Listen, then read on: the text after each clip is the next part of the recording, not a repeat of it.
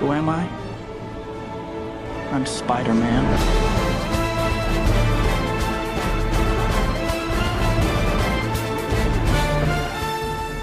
Welkom bij weer een nieuwe Julius versus Jasper met Julius Hi, hal- hallo bedoel ik. en Jasper. En we gaan het eens een keertje hebben over superhelden. Ja, waarom niet? Ja, we gaan het er eens een keertje over hebben. En waarom gaan we het over superhelden hebben? Nou, 25 het is april en 25 april gaan we Infinity War zien. Waarin volgens mij 6000 superhelden bij elkaar in één film komen. En wie halen we eruit? Spider-Man. Spider-Man, ja. Ten slotte een beetje het, het begin van de huidige superheldenbeweging. Ja.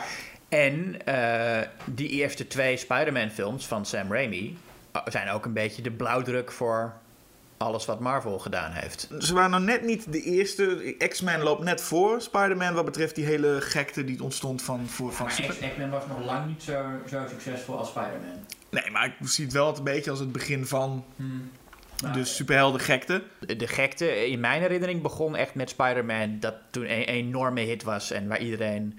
Dat was wel echt in 2002 geloof ik was het een, eh, was het een gigantische hit. Ja. En ehm, wie had het ook gedacht van de man van Evil Dead die dat eh, voor elkaar weet te krijgen. En nou, veel gebeurt op dat vlak. Toen kwam in 2008 kwam Iron Man eigenlijk als soort van de Marvel Cinematic Universe werd in gang gezet. Nou, de hele Sony deal met Marvel hebben we ook allemaal gevolgd waarin Spider-Man ineens weer bij ook bij Marvel terecht kon. Gek genoeg zijn de twee films van Mark Webb er niet bij. In dit Nee. geval, in deze bespreking. Want we moeten allebei één film kiezen. Eentje nooit meer zien. En de andere, nou, zo vaak als we willen. Ehm, ja, de films van Mark Webb, even heel kort. Maar dat is, eigenlijk worden ze ook nooit genoemd trouwens, de films van Mark Webb. Worden altijd de films met Andrew Garfield genoemd. Mark Webb Ja. is op een of andere manier niet een cineast die heel vaak erbij gehaald wordt. Ondanks Nee, zijn passende achternaam. Ja, maar het is ook niet echt een, een heel eh goede regisseur. Dat de Sam Raimi heeft nog een trilogie kunnen maken en werd nog een beetje benaderd voor een deel 4. Of wilde nog aan een deel 4. Ja. Maar eh, nou ja, Mark Webb kreeg twee en toen was hij, eh, was hij klaar. Toen mocht hij, eh, mocht hij ook vertrekken. En Andrew Garfield ook, arme Andrew. Ja, ook wel de minst goede Spider-Man vind ik hem. Om heel even nog Andrew Garfield zijn... eh, of in ieder geval de minst goede Peter Parker. Om daar nog even aandacht aan te besteden. Hij, hij, zijn Peter Parker was... Werd, de film dacht dat het een heel nerderig, sociaal onhandig personage was. Maar ik vind het altijd zo irritant hoe dat soort eh, verlegenheid in films eh, verbeeld wordt. Dat de film zegt, dit is een nerd, dit is een sociaal onhandig type. En dan zie je hem wel gewoon een meisje dat hij leuk vindt benaderen en op een date vragen. En dat doet hij dan stotterend en een beetje cute awkward, zeg maar. Maar hij doet dat wel. Terwijl iemand die echt verlegen is, die, die, die komt daar niet eens aan toe. Nee, je merkt ook echt dat, dat zijn Peter Parker was ook gewoon inderdaad... Hij moest wat, wat stotteren en dan was hij dus de, de, de ongemakkelijke nerd. Eh, als hij het pak aan kreeg was hij wel heel goed op zijn plek, vond ik. Ja, Andrew dat deed, hij, dat deed hij. Nou goed, er was natuurlijk vooral niet Andrew Garfield in dat, in dat pak. Nou, laten we dan zeggen eh, de toon. Laten we de toon ja. zeggen, ook de toon die hij aansloeg. Maar waar we vooral, die we vooral kennen is eh Tobey Maguire uit de eerste drie. Waarvan de derde film eigenlijk nooit eigenlijk aangewezen wordt als favoriet. nee. Het is toch de eerste of de tweede. Meestal de tweede. Meestal de tweede. En daar ga jij ook je voor inzetten. Zeker. Deze podcast voor Spider-Man 2 uit 2004.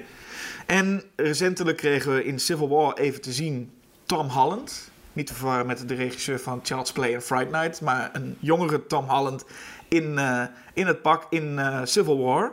En daar had iedereen al wel, nou ja, iedereen was wel erg te spreken over hem. Dus kwam eh, vorig jaar zijn eerste echte volledige film, Spider-Man Homecoming. En dan ga ik het voor die film opnemen.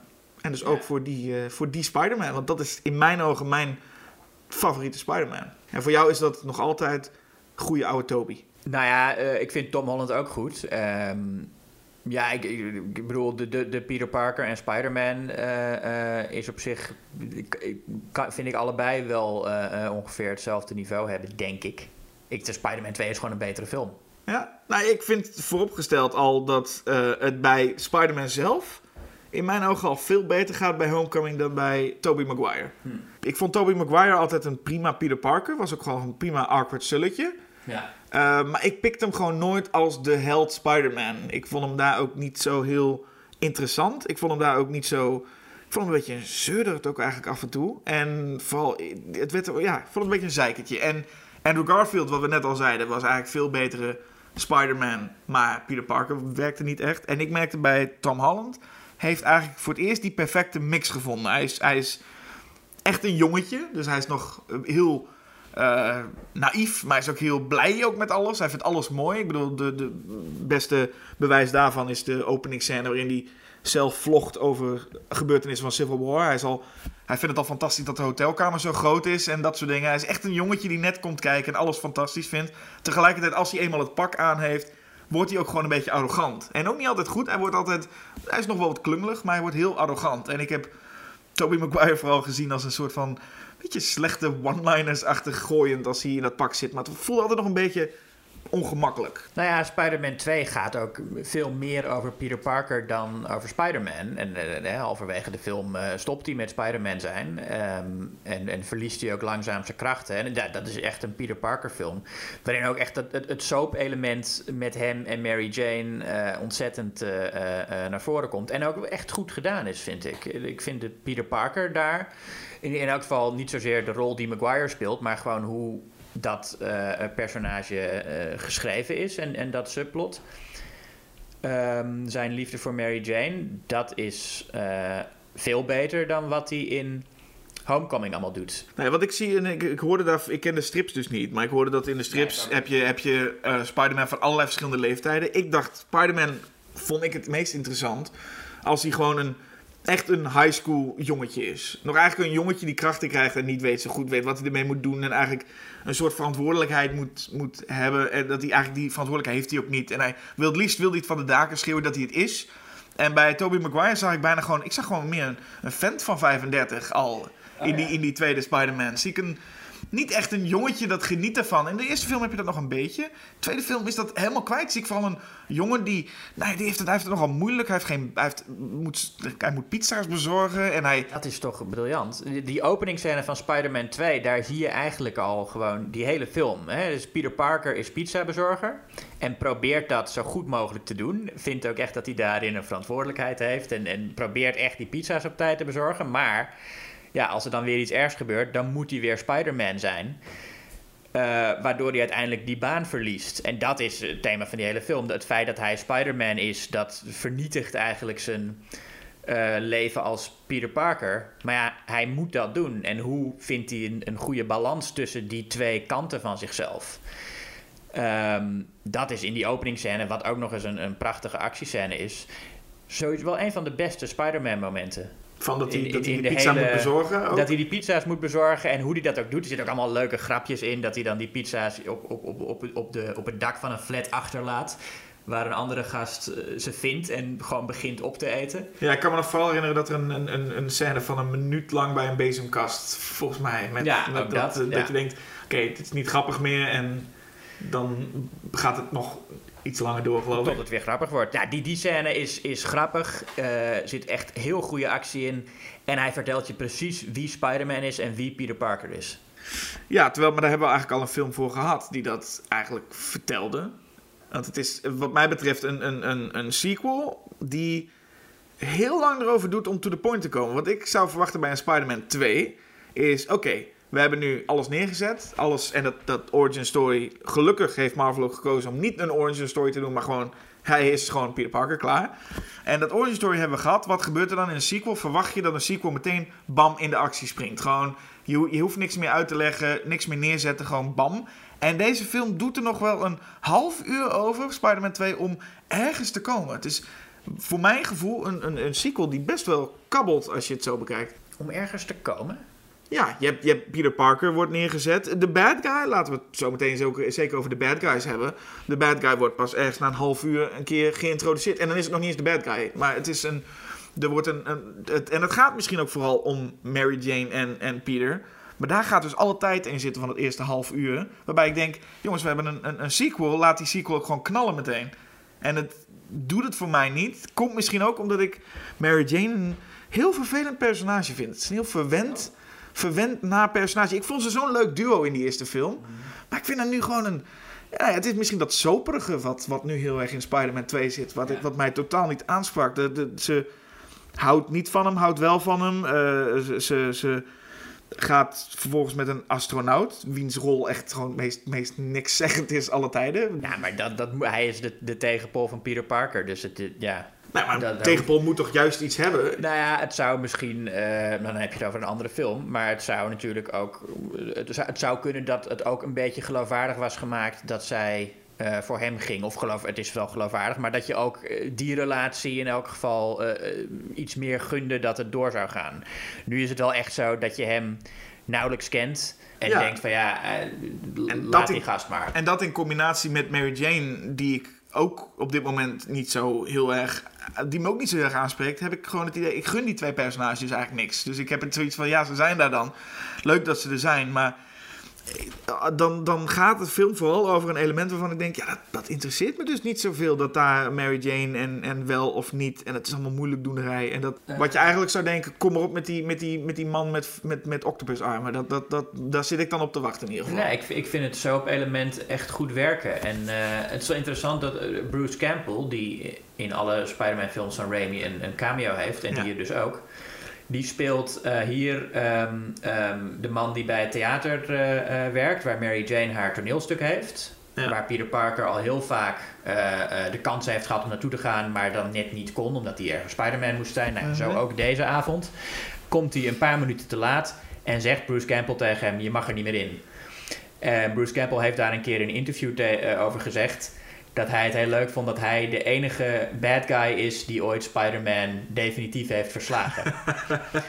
en dat, nou, dat laat je wel. Dat is, Klinkt ook wel typisch Bruce Campbell, ja. Ja. Want hij was in de eerste, eerste film, riep hij altijd heel erg van... ik ben degene die Spider-Man zijn naam heeft gegeven. ja, dus hij geeft hem zijn naam en dan verslaat hij hem. Bruce Campbell is eigenlijk gewoon de, de, de meester van de trilogie. En dat, dat vind ik niet erg om eh, toe te geven, ja. Maar dat is wel leuk. Dat, maar dat is natuurlijk een grapje van Bruce Campbell. Maar het zegt wel hoe belangrijk het soap-element in Spider-Man 2 is. En misschien dat een soap-element gewoon... Soap-element werkt als je de personage iets kan schelen. En ik merkte gewoon wat ze met Mary Jane deden en haar zo zeurderig maken. Ook over dat Peter niet kwam opdagen of dat hij... Dat hij het is wel een beetje onredelijk, hè? Wie? Mary Jane. Behoorlijk. Ja, Ik vond het behoorlijk onredelijk het- tegenover... En ik dacht echt bij, bij Peter Parker ook van... Ach, je verdient wel beter, ga even. Ik, ik, Maar het dat, niet dat, hoort ook wel een beetje bij soap dat je de personages zegt van...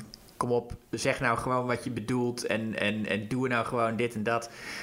Ehm, je, je gaat daardoor wel meeleven, vind ik. Laten we eens hebben over de bad guy dan. Want dat is toch eigenlijk iets wat, wat ook heel belangrijk is. La- laat ik eerst eens de bad guy omschrijven van Spider-Man 1. Spider-Man 1 namelijk was een... eh, de bad guy was een soort van wetenschapper. En een, een- ook een mentor voor, voor Peter Parker. En hij ging, eh, een, gaat een experiment aan. Maar dat experiment gaat fout. Waardoor de, de, de wetenschapper en het mentorfiguur van Peter Parker ineens kwaadaardig wordt. En in één keer gekke plannetjes gaat bedenken. En ineens, nou ja, tegen, ook tegen Spider-Man gaat vechten.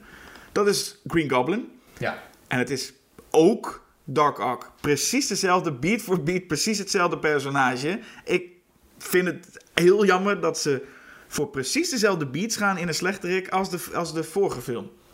Wederom een mentorfiguur, wederom een wetenschapper, wederom een experiment ging mis. Nou, mentorfiguur is hij, is hij minder nog dan, eh, dan eh, Willem Dafoe. Maar, Maar zo goed kennen Peter Parker en Willem Dafoe kennen elkaar toch ook niet. eh normaal dat kennen elkaar Nee, ook niet zo goed. Het was gewoon meer van: oh, ik vind jou interessant, want jij bent slim en, en jij Ja. snapt mij een beetje. Nee, het is inderdaad van het, hetzelfde soort figuur. Maar hij, hij doet wel andere dingen.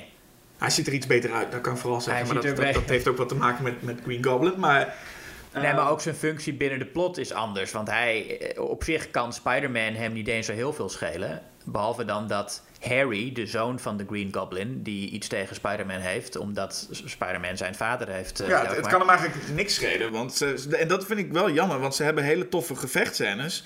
Maar er hangt dus niet veel. Er is geen persoonlijk, eh, persoonlijk iets tussen die twee. Er is gewoon, ze vechten om het vechten, maar er is Nou geen. oh, misschien er hangt toch- niks vanaf. Misschien even wat meer uitleggen hoe het nou zit. Want ik, eh, voor, voor de mensen die niet eh, eh, Spider-Man 2 heel goed in hun hoofd hebben zitten. Eh, Harry is de zoon van de Green Goblin, die dus door Spider-Man eh, gedood is. Dus die wil Spider-Man dood hebben. En, daar, en hij zet dan Doc Ock in. Eh, eh, dus dat is eh Dr. Otto Octavius, die door een wetenschappelijk experiment eh, vier extra eh, zo armen heeft gekregen. Tentakelarmen en dingen, ja. Ehm, en ook doorgedraaid is natuurlijk. Eh, om in- om, om Spider-Man te pakken. Eh, en in ruil daarvoor geeft hij hem dan een MacGuffin die... eh, Ja, Doc Ock nodig heeft. wil zijn experiment gewoon... eh, Doc Ock wil eigenlijk gewoon zijn experiment afmaken. Want hij heeft een soort van energy source en die wil hij eigenlijk gewoon afmaken. Maar daarvoor heeft hij iets heel belangrijks nodig. En Harry is degene die hem geld kan geven om dat te gaan doen. Of die hem dat kan geven. En daardoor... eh, ja, dan moet je toch iets voor mij doen. Waardoor je dus een heel gevecht en een heel... eh, ehm, trouwens echt, en ik ben niet van de plotholes. Dat maakt me meestal niet zo heel veel uit. Maar er zit in Spider-Man 2 toch een plothole. Waarbij... eh, Harry die zegt tegen Doc Ock van... eh, ja, je moet Spider-Man halen. En als je wil weten waar die is... moet je even Peter Parker vragen. Want die weet wel waar Spider-Man is. Ja. Doc Ock gaat vervolgens naar Peter Parker... en dan krijg je die bekende scène... waarin een auto door een ruit gegooid wordt... en Peter net op tijd MJ ook kan redden Ja. van die auto. Waarbij je denkt... Ze Als... gaan dan bijna zoenen en dan komt die uit. En dan komt die auto en hij redt, zeg maar, net op tijd, net op het nippertje redt hij, eh, om, vanwege zijn spider senses, ehm, ehm, MJ en zichzelf. En waarbij je denkt, maar Doc Ock wist helemaal niet dat dat Spider-Man was. Hij dacht, het is Peter Parker die ik moet ondervragen waar Spider-Man is. Wat was er dus gebeurd als Peter Parker inderdaad geen Spider-Man was geweest? Had hij nu een auto op de, men- de persoon gegooid die hij had moeten ondervragen. En ja, was het ook misgegaan. En Ja. toen, daar dacht ik wel altijd van, ik snap dit niet helemaal. Die gedachte had ik ook toen ik die scène zag. Maar ik vind de scène mooi genoeg hoe die auto daar binnen komt vliegen. En dat is sowieso eh, eh, wat Sam Raimi veel beter doet dan ja, bijna alle andere mensen die in de 21ste eeuw een superheldenfilm hebben gemaakt. Is die visuele poëzie. Die krachtige, eenvoudige beelden, zo'n auto die door het raam vliegt. Er zitten ook schitterende shots in van, eh, waarin je ook zijn achtergrond als horrorregisseur goed ziet. Er zit een Evil Dead 2 scène zo ongeveer in het ziekenhuis, toch? Ja, dat inderdaad. En ook die scène, op, eh, dat is dan, eh, als het, als het experiment van Dr. Octavius mislukt, dan komt er heel veel, dan ontploft er iets en dan vliegt er allemaal glas door de lucht. En dan zie je zo één vrouw, haar, haar reflectie in een glasscherf die op haar afkomt. Nou ja, dat soort beelden, dat, dat zie je niet in de Marvel-films van nu. Zulke visuele creativiteit en, en, en poëtische, eh, campy schoonheid. En in de Marvel films van tegenwoordig zie je te weinig Bruce Campbell ook. Dus wat dat betreft ook fijn dat, eh, dat, dat, dat Sam Raimi er, er is. Wat ik ook heel geestig vind is die muziek die je hoort in die scène. Met het experiment van eh Doc Ock. Is letterlijk bijna de muziek van Hellraiser. Ja. En het is ook heel grappig dat eh, Sam Raimi zijn componist Danny Elfman gewoon heeft ingeruild. Omdat hij wilde gewoon letterlijk de muziek uit Hellraiser. En toen zei eh, Danny Elfman, ja maar als je echt deze muziek wil... Waarom ga je dan niet naar eh, Christopher Young? En dat heeft hij gewoon ook letterlijk toen gedaan. En die heeft gewoon zijn score gemaakt. Maar dit even tussendoor. Ehm, wat ik nog wel ook vind, ik, maar dat is ook heel erg eh, misschien eh, van die tijd, heel knullig. Maar Doc Ock wil zijn experiment voortzetten en gaat dan banken overvallen. En dan zie je dus een Doc Ock die een bank overvalt en een zak geld jat. En echt letterlijk met die zak. En ik vraag me heel erg af, wat gaat deze man precies doen? Gaat hij dan, gaat hij dan met dat geld gaat hij iets kopen? Ja, nee, maar ja. Waarom steelt hij dan niet gewoon dat spul wat hij nodig heeft... in plaats van een zak geld stelen uit een bank? Nou, omdat... eh, kijk, laat ik vooropstellen. Ik heb eh, helemaal niks tegen iemand die een zak geld uit een bank steelt. Dat is zeker in het Spider-Man-universum hartstikke prima. En eh, ja, de moet- reden dat hij, dat hij dat spul wil kopen... is dat het waarschijnlijk moeilijker te stelen is dan geld, lijkt me. En dan komen we bij Homecoming. Wat ik persoonlijk, en dat is, het is niet heel knap als je de beste eh, Marvel-schurk bent, want die zijn er niet zo heel veel. Maar eh, Michael Keaton als, als Vulture staat voor mij wel bovenaan als eh, eh, beste villain die ze ooit hebben neergezet. En het belangrijkste wat je ziet is die openingsscène. Waarin je gewoon een, een, een, bad guy hebt. En we, we hebben nu wel genoeg gezien.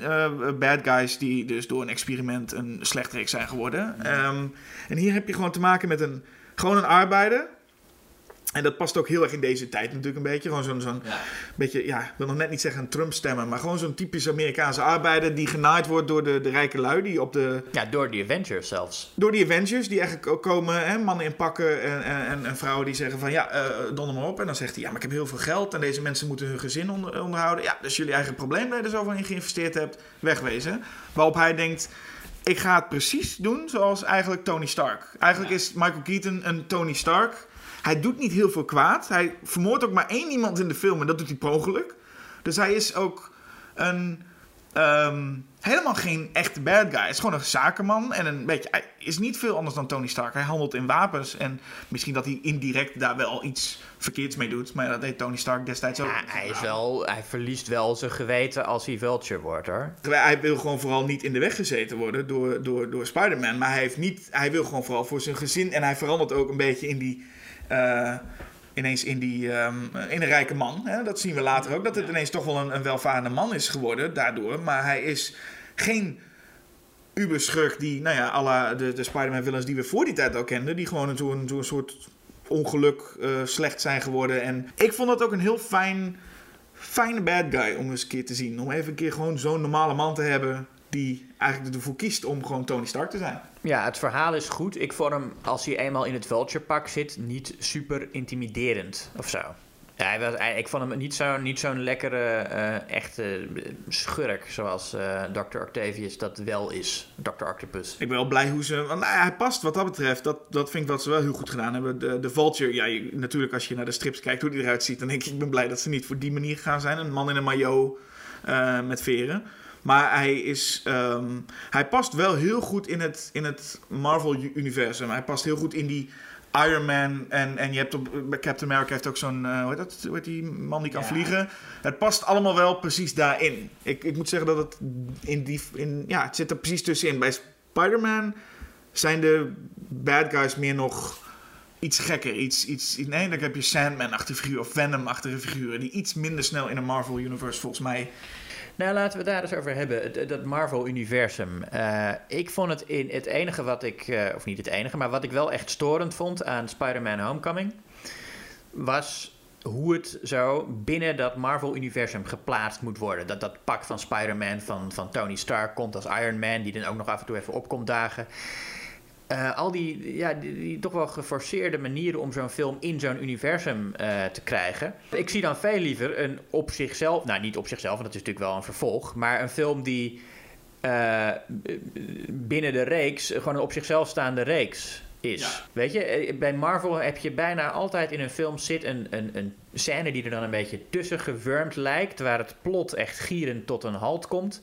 Het beste voorbeeld is denk ik in Ant-Man, waar dan inderdaad die gast van Captain America, eh, de Falcon heet hij geloof ik, Oh ja, waar ze even zo'n gevecht Ga eens even met hem vechten. Had dat er in godsnaam Nee, uitgehaald. Eh. Ben ik het helemaal mee eens. Dat maar is ook in, in, in, in Spider-Man. Dat, dat, dat, dat, maar daar, pak. daar hoort het toch juist... Daar hoort het, ja, daar juist? hoort het, het hoort wel in het plot. Dat is wat dat betreft beter gedaan. Het is echt een, wat dat betreft ook, zoals eigenlijk eh, ehm, Spider-Man 2 een sequel is op Spider-Man, is eh, Spider-Man Homecoming echt een sequel op Civil War. Ze komen daar vandaan. Ja. Eh, eigenlijk ook een sequel op The Avengers, want Vulture is natuurlijk een beetje, hè, Michael Keaton's personage is ontstaan na die, dat hele gedoe in New York. Ja. Dus dat, dat heeft er nog mee te maken. Maar verder is het gewoon, Tony Stark heeft, heeft Peter Parker eigenlijk gevraagd om mee te vechten, want eh, hij had iemand nog extra aan zijn zijde nodig om tegen Captain America te vechten.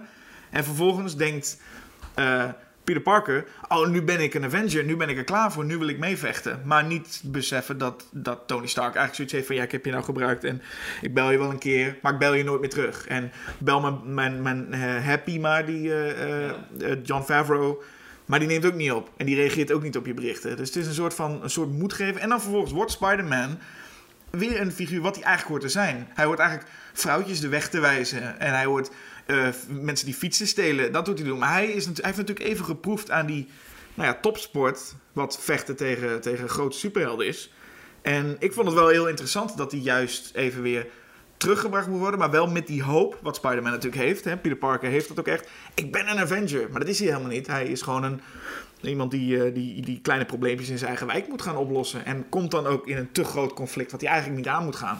Ja. En ik ben wel blij dat, dat eh, Robert Downey Jr. maar een kleine rol heeft. Hij heeft eigenlijk maar echt een heel klein bijrolletje. De posters en de promotie lieten natuurlijk heel erg mee merken van... dit wordt echt een Iron Man film. Ik ben zo blij dat Iron Man eigenlijk helemaal niet ertoe doet. Hij komt af en toe even als vaderfiguur, mentorfiguur... komt hij even er voorbij voor een Ja. wijs lesje. Maar het is niet alsof er een grote climax was... waarin Iron Man met Vulture gaat vechten. Nee, klopt. Nee, wat dat betreft doet de Homecoming natuurlijk wel eh, eh, beter dan de meeste Marvel-films. Dat dat verhaal echt binnen eh, dat universum past. Maar ja, wat ik zeg, ik, ik zie liever dat, dat ze dat niet. Want nu, het is wel. Je merkt toch dat het geforceerd is. Of, weet je, dat ze hadden eigenlijk.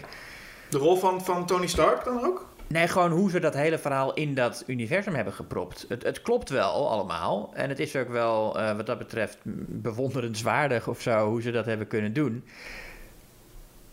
Maar ik zie dan toch liever echt een op, een op zichzelf staande Spider-Man die verder niks te maken heeft met al die andere figuren. Oké, dus, eh, dus meer het feit dat als Spider-Man Homecoming gemaakt was, maar dan los van eh, het Marvel-universum, was het beter geweest voor jou. Ja, nou, ik heb sowieso niks met dat hele universum, maar dat, eh, ja, dat is ook een. Oké, een nou ja, voor wat van, het is eh, hebben ze het vrij goed, eh, vind ik, goed ja, voor wat het is, is het, is, het, is het goed gelukt, inderdaad. Ja. Maar ik, ik, ja, ik ben toch benieuwd wat ze hadden kunnen... Nou ja, goed, ik, ik weet wat ze hadden kunnen doen. Nou ja, ik die ben, bestaan ook. ik ben wel blij dat, ondanks de, die kleine linkjes... En ik hoop inderdaad dat er in vervolgen op Spider-Man in ieder geval... die ook niet te veel, eh, dat ze te veel ingaan op dat Thor en Hulk nog even voorbij komen. Dat moet ook zeker niet. Maar ik merk dat wel... Spider-Man Homecoming, ondanks dat het de zoveelste Marvel-film uit, universe, eh, uit, het, uit het universum is... Ehm, merk ik wel dat het eigenlijk gewoon een heel klein high school drama ook is. Waar het voornamelijk ook over Peter Parker gaat als jochie en zijn avonturen. ja, high school comedy meer, dat drama. Dat is het voornamelijk. En nog even terugkomen wat je zo straks zei over Doc Ock eh, is dreigend en, en Michael Keaton niet. Nou, ik zei niet dreigend, toch? Nou, dreigender. Maar, maar, eh, je vindt Vulture niet zo dreigend. eh, wat ik ook wel begrijp als hij het pak aan heeft. De scène waarin Michael Keaton echter met Peter Parker in de auto zit. En hem nog even Oh, ja. toespreekt. Ja. Daarvan dacht ik wel meteen, oké, dit is dreigender dan welke suffe bad guy in een Spider-Man film ooit. Dit is echt meteen een dreiging waarvan je denkt, oké. En dat is alle props ook naar Michael Keaton natuurlijk, die dat echt Ja. als geen ander kan brengen. Ja, nee, dat is, dat is inderdaad eh, een ander soort dreiging dan, eh, dan ik eh, bedoelde. Maar ja, dat, daar heb je gelijk in.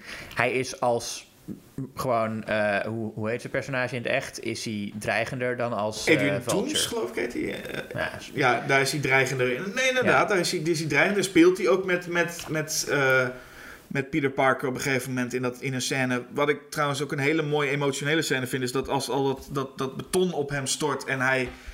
Je echt even een jongetje ziet dat gewoon moet huilen van ik, ik, ik kan het niet alleen en dan Ja. lukt het hem toch. Dat vond ik een mooiere, als we het hebben over emotionele scènes, dan een, een scène uit Spider-Man 2 die ik best wel kloten vond, wat die treinscène is. Wat?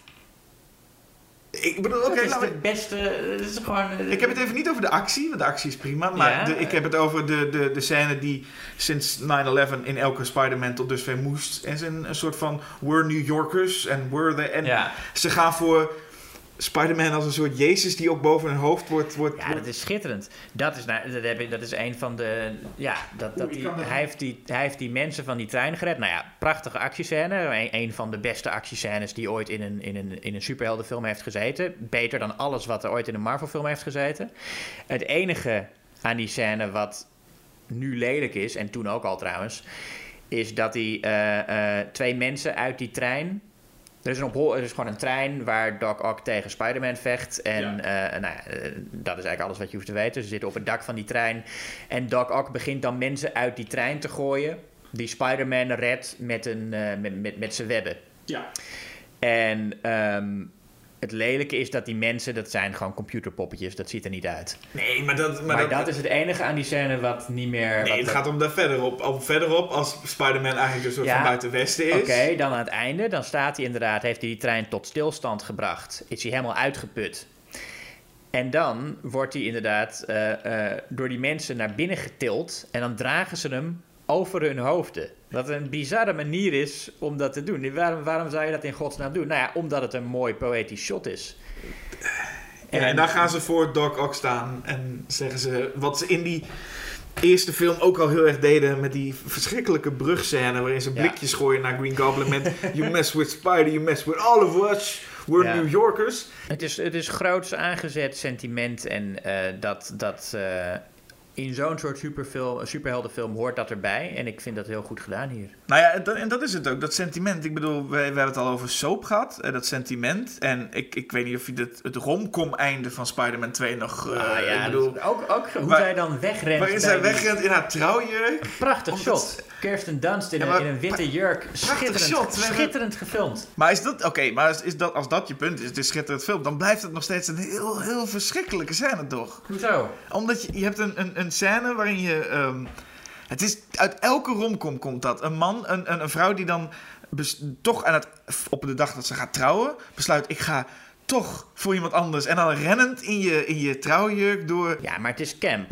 En dat, dat weet ze. Kijk, het verschil met, met de meeste romcoms is... In, in die romcoms wordt het nog eh, tamelijk eh, serieus gebracht. En Sam Raimi weet best hoe dik hij dat aanzet. Nou, het wordt niet gebracht als van dit is een dikke knipoog. Dat in ieder geval Nou, absoluut hoe, niet. hoe die dat filmt. Hoe ze daar in slow motion wegrent. eh, Ja, ik- nou ja, dat- laat ik het zo zeggen. Ik twijfel daarover. Dus dan denk ik wel. En als ik Nou, Sam Raimi iets zie doen, denk ik bij de meeste dingen... Oh, ik zie precies wat deze man hier aan het doen is. Op het moment dat ik daar ga twijfelen, ga ik in ieder geval zelf twijfelen. Van ja, bedoelt hij het allemaal wel zo? Kijk, bij, bij, bij, zijn, bij de horror-elementen in Spider-Man 2 eh, snap je toch ook dat dat campy is? Nou ja, het campy, ik snap wat hij daarmee bereikt. En ik denk ook dat op het moment dat je een ziekenhuisscène hebt... wat Evil Dead-achtig is... en eh, verwacht ik ook dat hij dan bedoelt van... ik wil dit ook een beetje eng en naargeestig maken. Want ik wil Doc Ock ook een beetje neerzetten... Hè, ik bedoel, niet voor niks wordt er een zuster eh, weggetrokken en haar nagels in, het, in, in, Ja, in de oh ja. vloer. Nee, maar dat is ook... Dat snap ik, maar ik snap waarom ze dat doen. Maar dat betekent ook dat als hij dat doet om even iets naars neer te zetten, Hmm. dan wil hij met die romcom ook echt even iets moois neerzetten van Sp- Ja, Spider-Man. oh nee. En, en, en ze Dat- weer bij elkaar. Ik zeg ook niet dat het parodie is. Het is absoluut dat hij iets moois wil neerzetten... en dat hij met die zuster iets engs wil neerzetten. Waar je inderdaad de, de, de, de groeven van haar nagels in de grond ziet... terwijl ze weggetrokken wordt. Eh, maar het is allebei camp. En dat weet hij ook best.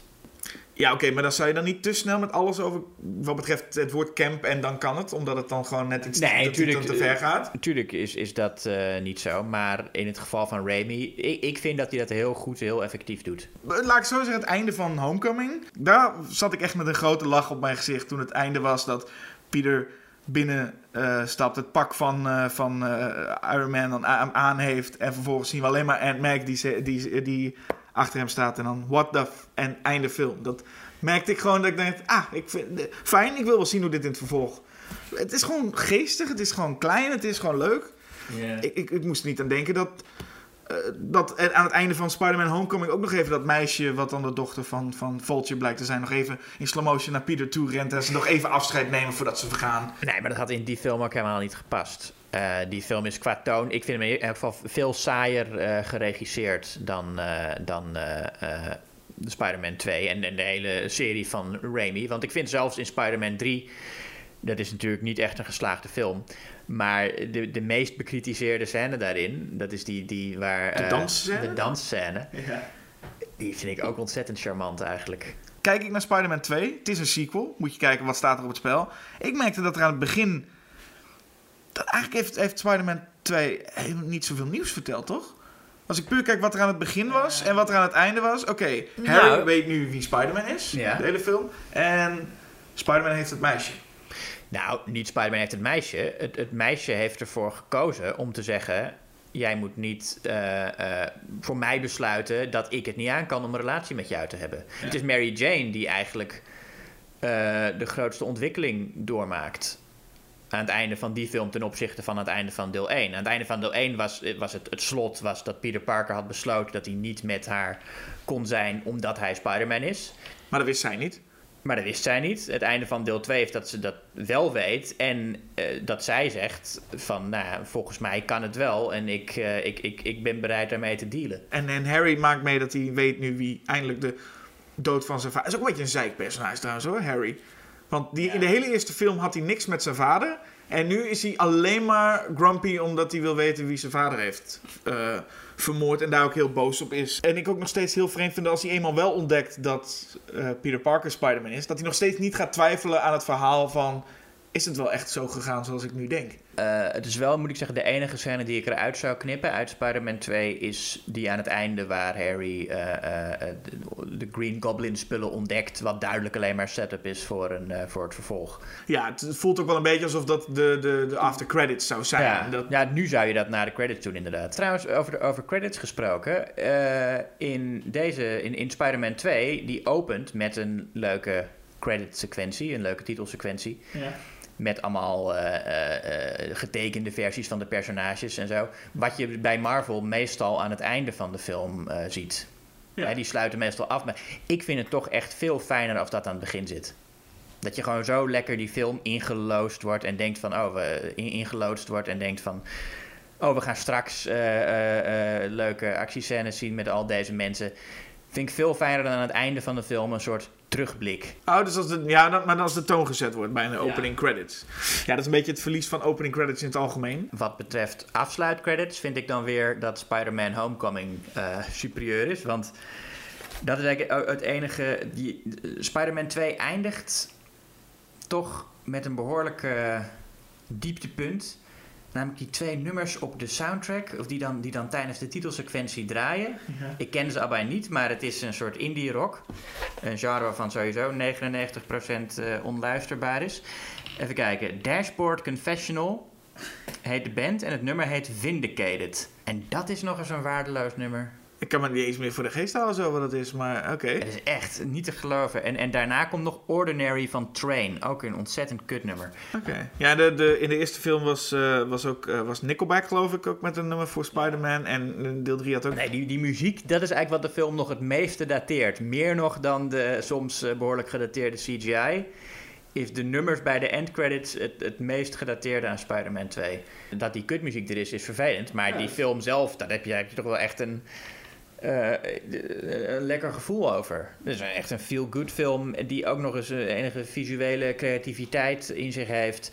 Betere, wat is nou een actiescène in Homecoming die beter is dan de treinsequentie in Spider-Man 2? In Homecoming zit de scène rondom de Washington Monument, waarvan ik ook oprecht in de bioscoopzaal even dacht holy shit, dit is echt de, hoe de, de, manier waarop dat geschoten is. Uh, waarop je ook echt even het gevoel hebt van, oeh, je krijgt er bijna zweethanden van op de hoogte waarop die... Ja, die, die op de op Washington Monument, dat is wel een van de aardigste Marvel actiescènes. Maar dat mist toch die, die visuele creativiteit van, uh, van Raimi. Ja, ik denk dat, dat Raimi ook wel een goede, uh, en dat zie je ook wel, Raimi is ook echt een goede actieregisseur. Ja. En dat is iets wat... wat... Heel, heel expressief ook. En hij heeft ook altijd, of altijd, hij heeft in heel veel actiescènes die shots dat je zo, je ziet Spider-Man door de lucht gaan. En dan is het vanaf de grond gefilmd. En dan zie je ook de, de toeschouwers kijken naar hoe Spider-Man door de lucht slingert. En dan zie je die bewonderende blikken van die mensen. Dat is allemaal zo. En het zijn ook allemaal, allemaal mooie shots. Weet je, en allemaal bijzondere shots. En ook scènes die niet eens actiescènes zijn. Bijvoorbeeld die, die introductie, de, de, de, de, de, de, de, uh, uh, de introductieshots van Harry's eh, zijn huis. Dat is dan zo'n Dutch angle, zo'n schuine camera en, en bliksemschichten. Het is echt een soort horror wordt het. Ja, wat dat betreft is, is Sam Raimi ook wel een interessant... Qua visueel is het sowieso gewoon interessant. En ik denk dat visueel op bepaalde vlakken Spider-Man 2 ook misschien wel interessanter is. Maar ik denk dat de personage... En dat voelde ik wel heel sterk, dat een uh, J.K. Simmons heel ja. erg heel erg fijn is om naar te kijken. En ik dacht echt, als dit personage nou ook nog in Homecoming zat, die vol zit met hele leuke personages, de, de scholieren, de, de, de klasgenoten van uh, Peter Parker, maar ook die gymleraar die, uh, die, die het allemaal ook niks interesseert verder. En de, heel veel van dat soort personages voelden zo kleurrijk en leuk, dat ik dacht, oh, ik vind die allemaal leuker dan Mary Jane of die astronaut, die zoon van Jameson. Of boeide me allemaal net iets minder. Dat ik dacht, ah, ik vind zo'n kleurrijk personage als, uh, als, als J.K. Simmons. Gaf me die maar. En mij betreft komt Sam Raimi ook als regisseur bij die Spider-Man. Maar ik voelde alsof met Tom Holland ook en die kleurrijke figuren ja, voelde ik echt alsof ik daar een, een, een betere, betere ingrediënt... Het, het is zeker een, een, een, geestiger film als het op personages aankomt. En het is inderdaad wel een leuke uh, uh, groep uh, ja, grappige personages. Niemand is zo grappig in die film als J.K. Simmons in Spider-Man 2, vind ik.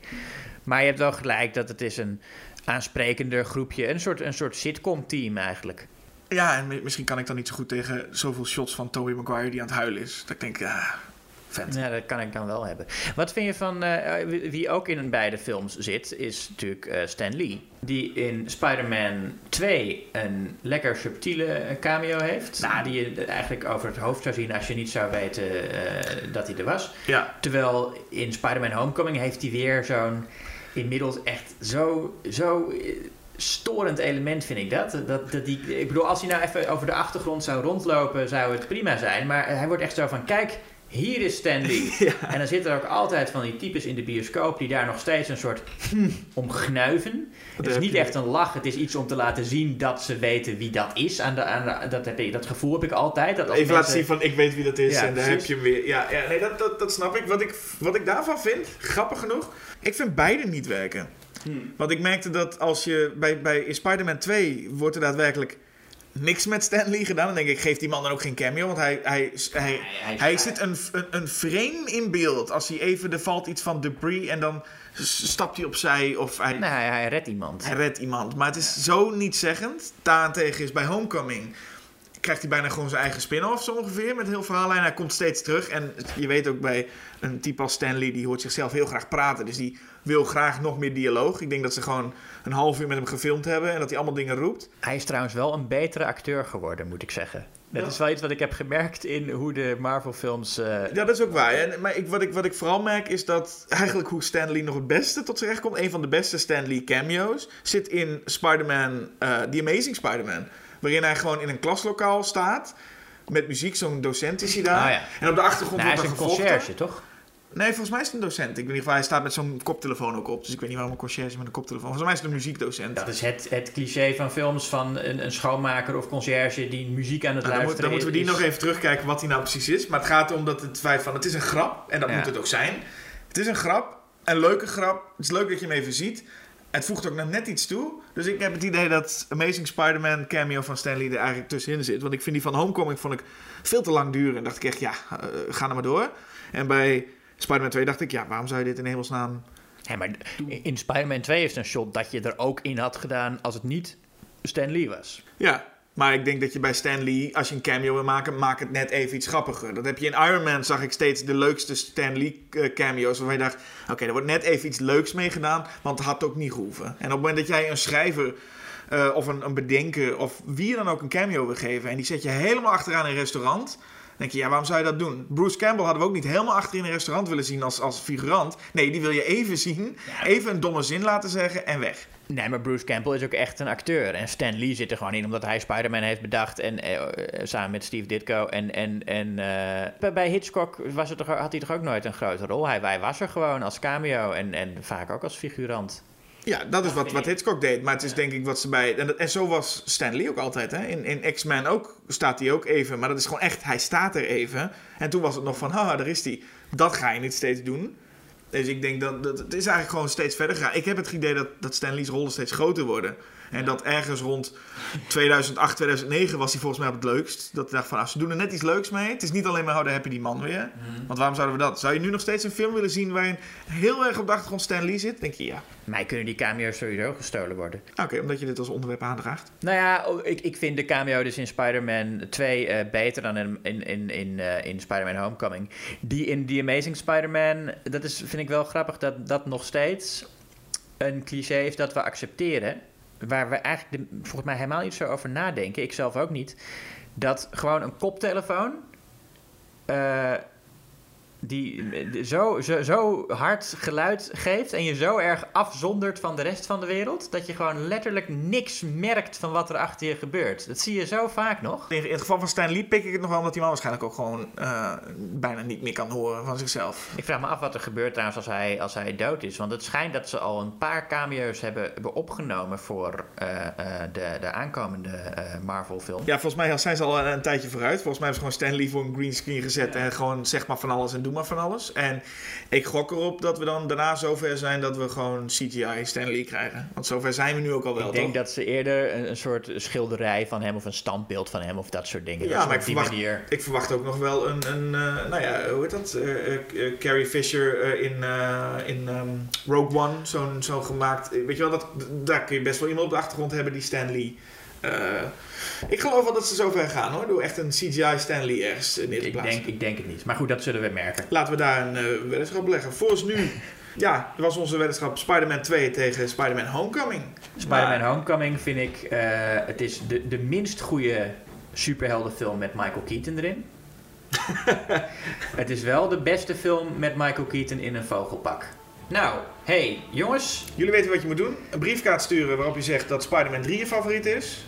Of die Amazing Spider-Man 2. Ja. Eén van de twee. Ja. En dan eh, zien we dat graag tegemoet. En eh, zeggen we tot volgende maand. Tot volgende maand. Houdoe. What do you mean? What happened to my voice? I heard you by the bridge. I know what a girl sound like. I'm not a girl. I'm a boy. I mean, I'm a, I'm a man. Could you pay me in advance?